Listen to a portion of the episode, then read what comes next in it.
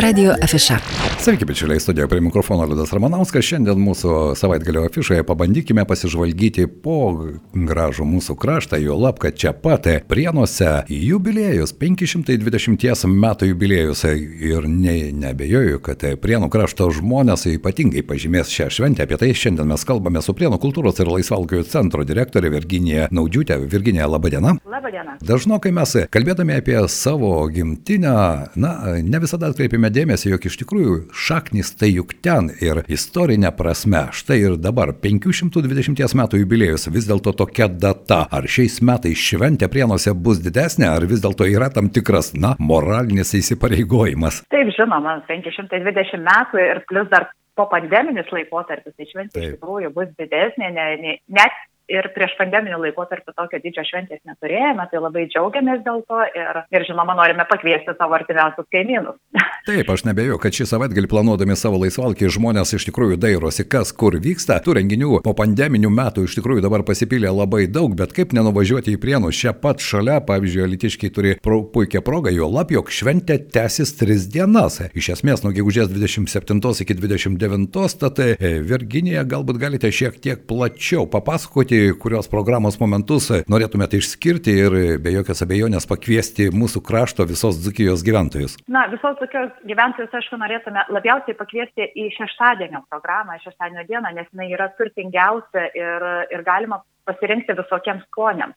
Ryte vyks šventinė konferencija, na tai čia tiems, kurie mėgsta domėtis istorija, kuriems aktualu, kuo mūsų kraštas yra garsus, nes tikriausiai ir bendrų istorinių sąsajų su Lietuvimi turime nemažai. Taip pat tie, kas mėgsta poeziją, galėtų apsilankyti Šilovotovo davatkinę. Tai nėra patys prienai, tai yra prienų rajonas, tačiau ten vyks tarptautinis poezijos pavasaris, kuriame dalyvaus poezijos mylėtojai ir, ir skaitytojai ir kurieji iš Junktinio Amerikos valstybių, iš Lenkijos ir taip toliau. Na, o vakarinėje programoje norėtume pakviesti tiems, kuriems patinka pramogos. Tai turėsime koncertuojančius atlikėjus, žymius atlikėjus, tai ir Rūna, ir Marių, taip pat grupė Biplan ir Donata Montina. Na, štai tokia puikia puokštė gerai žinomų atlikėjų. Visą tai šeštadienį vyks prie Nemuno, ne, Estradoje, kiek suprantu. Taip, vasaros estradoje prie Nemuno, mūsų įprastoje švenčių vietoje, dabar jau paskutiniu metu, na ir jinai tokia tradicinė švenčių vieta.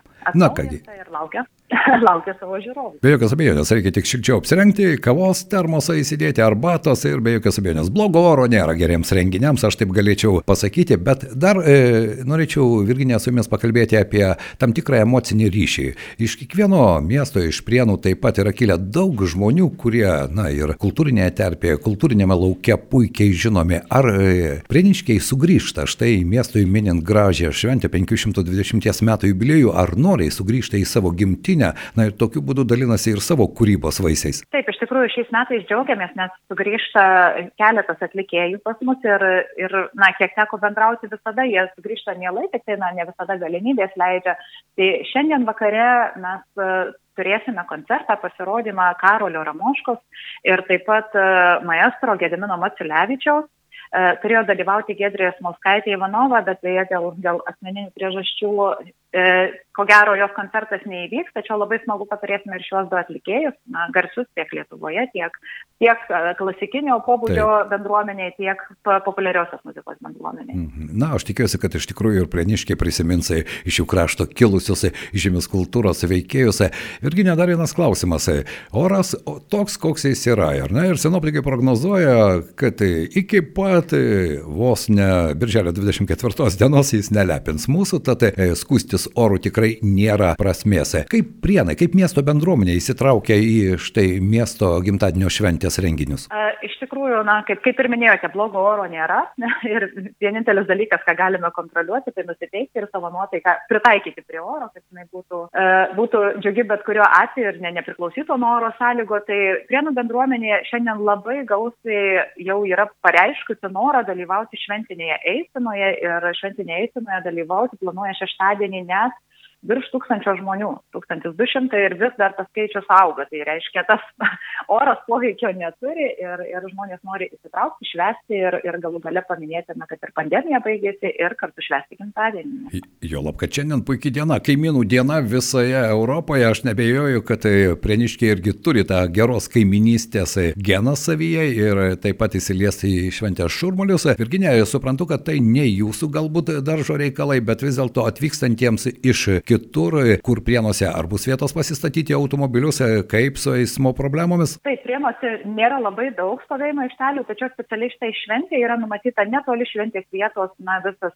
visa erdvė, plotas pasistatyti automobiliams tai, ir savanoriai dirbs, kad automobiliai susitarpuotų labai labai, kaip sako, glaudžiai, kaiminiškai ir, ir būtų tos vietos daugiau. Na ir pačiame Prienų mieste įmanoma pasistatyti tiems, kas mėgsta pasivaikščioti truputėlį ilgesnėme atstume. Taip, o tai ko gero savaitgalį visiškai geras dalykas šiek tiek pamankštinti savo kaulus, nes per darbo savaitę visi daugiausia sėdime, kaip ten bebūtų. Na ir grįžtant prie didžiojo šeštadienio koncerto, iš tikrųjų estradoje prie Nemono čia ir be plano, ir Donatas su grupė, ir Rūna su Mariumi atrodo įvairiems skoniams parinkta muzikinė programa. Tad tikiuosi, kad ir Rienų svečiams, ir prieniškiams svarbiausia, tai bus irgi toks šaunų šeštadienio vakaras. Taip, mes irgi to tikimės ir programą rengdami atsižvelgime tikrai į visus įmanomus skonius. Nuo klasikinės muzikos iki populiariosios muzikos, iki, na, ir tos populiariosios, kurie skatina pamastyti ir ir, ir, ir taip toliau. Ir pajudėti?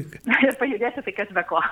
Nes ir oras, man atrodo, skatins judėti. Be jokios abejonės, Virginė, šiandien noriu padėkoti Jums už trumpą pokalbį, pakviesti visus mūsų klausytojus jau nuo penktadienio, pasirinkite programą ir paskutinis klausimas, kur daugiau informacijos galima surasti tiems, kurie planuoja savo laiką ir norėtų, na, tris dienas galbūt prienuose nepraleisi, bet vis dėlto vieną kitą svarbiausią momentą jį užfiksuoti ir atvykti į prienus. Taip, taip žinoma, mūsų interneto interneto svetainėje www.prienai.lt ir mūsų Facebook'o profilyje irgi Prienų kultūros ir laisvalaikio centras. Tai čia daugiausiai informacijos galima surasti ir, ir, ir, ir pasidomėti plačiau. Taip ir pasiplanuoti savo laiką, nes renginių iš tikrųjų programa yra gausi. Aš šiandien noriu padėkoti mūsų pašnekovai buvo Prienų kultūros laisvalaikio centro direktorė Virginija Naudžiūtė. Geros jums šventės, koks be būtų oras. Ačiū Jums. Ačiū Jums labai. Tikiuosi, kad mūsų klausytojai taip pat jau planuoja savo savaitgalio renginius renginius ir laisvalaikį, o renginių iš tikrųjų netruks. Štai prienai mini 520 metų jubiliejų kurorto šventę čia pat druskininkose. Lady Ghost automobiliais bandys praskaidrinti ir savo ir aplinkinių nuotaikas. Pasirinkite ir nekeiksnokime oro. Jis yra toks, koks yra. Deja, pakeisti mes jo nelabai